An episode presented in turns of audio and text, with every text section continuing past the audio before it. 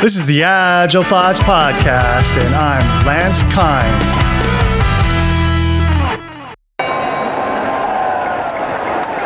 Safe, safe, safe, safe. Ladies and gentlemen, tonight, the main event. Let's get ready to scale Agile. Come on, Dad. Let's go get him, Dad. Less is more. Less Come on, more. Dad. Less is You've been more. working really Less hard. is more. You've been working out every day. You're so disciplined, Dad. Let's go, Dad. Go in the ring. Get him, Dad. Less is more. Less is more. Come Less on, is more. Mom! You get in there and you beat him to a pulp, Mom! This is a continuing episode of the third series of Agile Framework Fight Night. This fight night was hosted in Seattle by Beyond Agile, a meetup that you can find at meetups.com. Like the first Agile Framework Fight Night, we brought together another winning panel of experts who really want to win and represent their framework. And the frameworks we have are in the far corner, representing Discipline Agile Delivery, we have Ricardo Garcia, God of Doom. Come on, Dad. Let's go get him, Dad. In the other corner, representing Fast Agile, we have Ron Quartel, Crocodile, Ron D.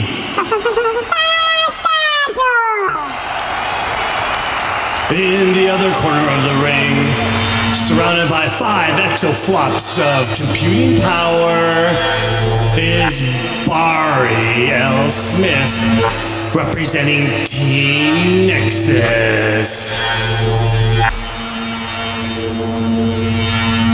Also known to his fans as the Nexus Knight. And in the other corner, an austere part of the corner, is Team Less. And representing Less is Victor Grgic, the Simplifier. Less is more. Less is more. Less is more. And the moderation was done by yours truly, Lancer Kind, the Unkind. We'd like to talk about crafting experiments, see if hardware, software, or other kinds of works run through the organization. I think we all know that Scrum was the first agile framework introduced with empiricism at its core. It is fundamentally defined as an approach wherein we experiment to explore complex problems and find solutions. And Nexus really being Scrum, yeah, that's absolutely central to the activity of the organization. That's virtually everything we do is around this idea that we realize that it's a complex world and we can't know everything in advance. So we have to experiment, test things and, and get experiment and get feedback quickly. We will have Nexus, Nexus, Nexus, Nexus. Okay. Uh, is buried in the ne- Night of Nexus. Uh, anyone else want to talk about experimentation and how that works? Well, we have uh, multiple life cycles in that. We have uh, sort of those are is, uh, exploratory that actually allow you to go into green fields or areas that you have to experiment. You have to figure out uh, what you need to accomplish. So one of those life cycle is uh, the exploratory. So, Ricardo, what part of a software development effort is not exploratory? Sorry? So, what part of a technology or software lifecycle is not exploratory? Well, you have multiples that you can. Uh, I can think about, for example, you are upgrading a financial system, accounting system. You don't have to do exploration. You have areas that, like merchandise or systems that are just getting enhancements where agile is a very good choice it allowed the small Scrum teams to develop and provide solutions and uh, new work and value to the business. To me, exploration is when you have no idea of what you need to achieve. You have a concept from our executive, and you actually have to experiment. You have to figure out what will be that innovation, that new product that needs to go to the business that we need to deliver into the business. You're so disciplined, Dad. Let's go, Dad. Yeah, no, we could even almost we could even throw out there that even when we're releasing things, those are experiments also. It's not yeah. just about experimenting to see which choice do we do in order to continue developing. Everything we do is an experiment. And we need to yeah. make sure we pay attention to how did it turn out. Anyone else want to add anything else to that? Uh, I mean, like finally having a subject that we may uh, disagree, so which is yay. Uh, so it's typical think, uh, a false dichotomy. So I, have heard that argument very often. There is in this situation, it's a stable, predictable, blah blah blah. You just need to enhance it. And in this situation, we don't know much, so we need to experiment. No, it's a false dichotomy. Uh, it implies that it's uh, it's mutually exclusive, but it's not. It's actually never mutually exclusive in software. The nature of software that you have to assume. Uh, so it's assumption of knowledge. So you assume that things are known, and that's that's a difference between I would say waterfallish thinking versus agile thinking. In agile thinking, there is a assumption assumption of knowledge is not there. You do not assume that you know. You always assume that you do not know, but it doesn't mean that you that uh, everything that you know so far you throw it away. So that means it's a false dichotomy. Yeah, in that point, I have to say that we are a learning organization. That's basically what Agile does. So if we want to call it experimentation or something else, it goes back to the point that we are constantly improving and learning and how we provide solutions to the business. Crocodile Rondi. So I think this is where fast really shines in in the and this is why we called that role product manager and very much inspired by Marty Cagan. So if you want to talk about experimentation, this is where where the the Scrum idea of product owner is stale, and there was a missing piece to it, which is modern product management, which is what Marty Cagan talks about, which is built off lean startup. And that's really why I, I drill that in uh, as part of FAST, that it's, it's set up for that. And I think going forward, as more product managers discover FAST, I think it'll be their, their process of choice because of this. FAST is really set up to do product discovery and delivery at the same time. And if you read the Agile Manifesto, and the original Scrum, it's all about delivery, delivery, delivery. And the word delivery is in the Agile Manifesto. Discovery wasn't there. It's something new. It's something we're, we're learning about now. So FAST is really set up for both. So as teams self-organize around work, some of that work might be discovery work, and a product trio using Teresa Torres, her concept, will form around doing product discovery.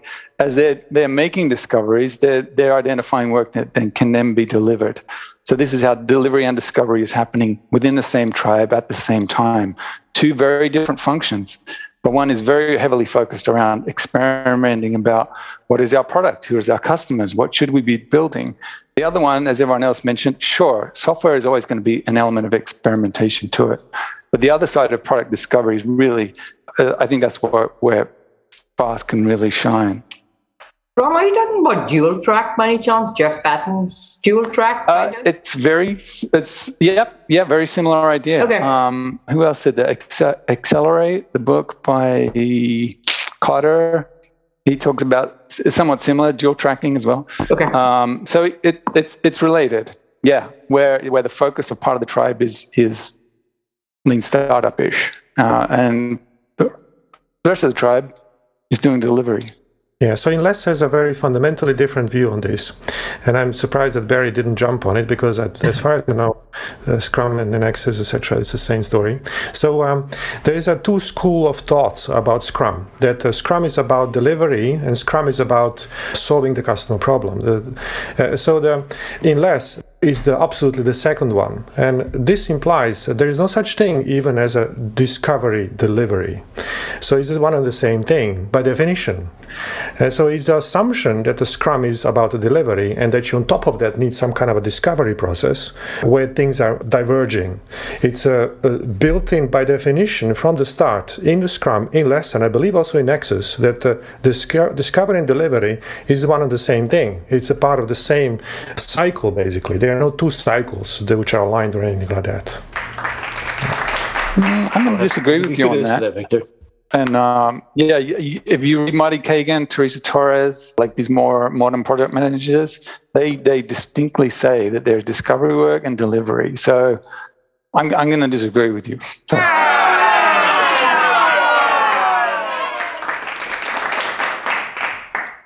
Yeah, no, uh, so it's actually important to note kind of these differences. I am uh, also familiar with the uh, Marty Cagan thing, and it's important to kind of read how how that plays out. And when you look at actually how it plays out according to the teaching, you basically say the same thing, which is mean that you shouldn't have this as a separate things. And so you kind of combine it and make sure that it's uh, fully combined, uh, that you do discovery and delivery. I agree. What, that's what this agreement is, is uh, how it how Scrum is being seen. And so Marty Cagan clearly sees or thinks uh, and, uh, and, also gets uh, confirmed because so many companies applying Scrum in such a way uh, that the Scrum is about delivery. And um, uh, so that somehow is uh, the, the profession of a product management a separate profession from delivery, which doesn't make much, much sense. But it is something that happens in organizations. Uh, so therefore, uh, Marty Cagan says, look, I see everywhere that we have these product owners which are not actually doing any kind of product management and the teams are just delivering and they are not really considering the product uh, aspect, etc., etc. So he's right. But it's not what uh, what what intention of uh, Scrum is, and what also some other companies doing properly. Yeah. It's interesting the way um, you know you'll see some tendencies across some companies that may not be as advanced and they um, the discovery and delivery they wind up waterfalling those concepts.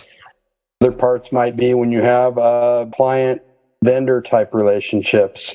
You might have the quote full-time people doing all the discovery and architecture and the uh, vendors doing the delivery type thing. You know it's like it's not tied together. It's even separated farther than you're than you're discussing. It's not part of the same person's brain.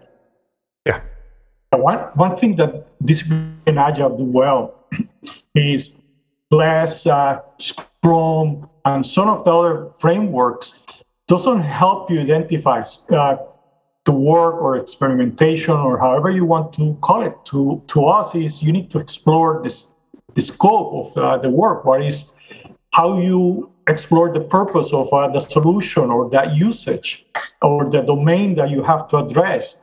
And all the process, general requirements. There are many decision points that needs to be taken in consideration so you can have a good understanding of the impact, how you idealize the solution, interfaces. So from all the frameworks that I have seen, there is no clear delineation that help you understand what is that goal and context that you need to decide and be able to deliver it uh, with your frameworks. So that's an area that actually Discipline Agile helps a lot, especially the teams that find uh, SAFe or other frameworks very difficult to navigate. You're so disciplined, Dad. Let's go, Dad. So all the design folks all came up with dual track Scrum because because they said Scrum is about delivery, and we're not able to get discovery into Scrum. Right. And, the way to get it in is coming up with dual track or dual track agile dual, dual track Scrum. That drove.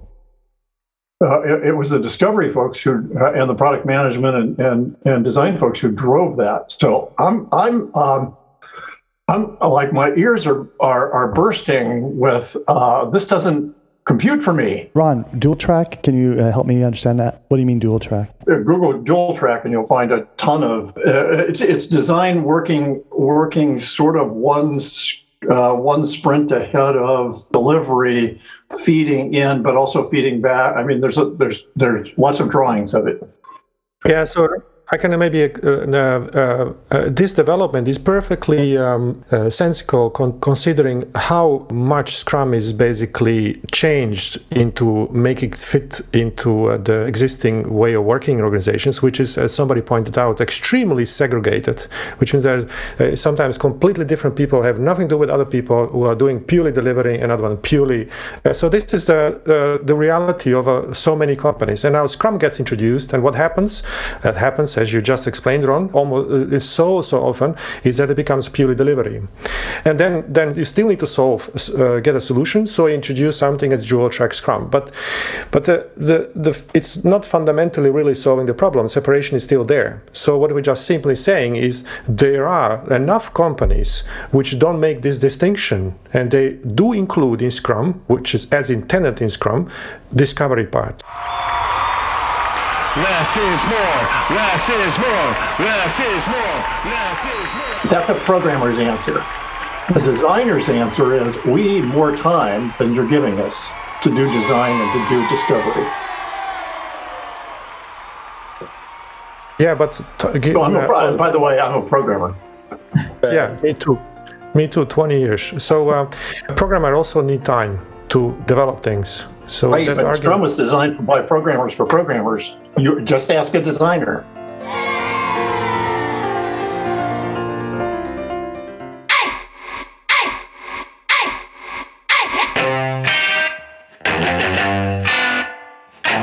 Are you new to Agile or Scrum? Looking for a fun way to pick up the knowledge to become an Agile team? Go get the novel Agile Noir a dramatic novel about a project manager who needs to transform his teams to become agile because his life depends on it. This book is available in the US on Amazon, in India on Pothi.com. In China, it's available on my WeChat store. Links are in the show notes.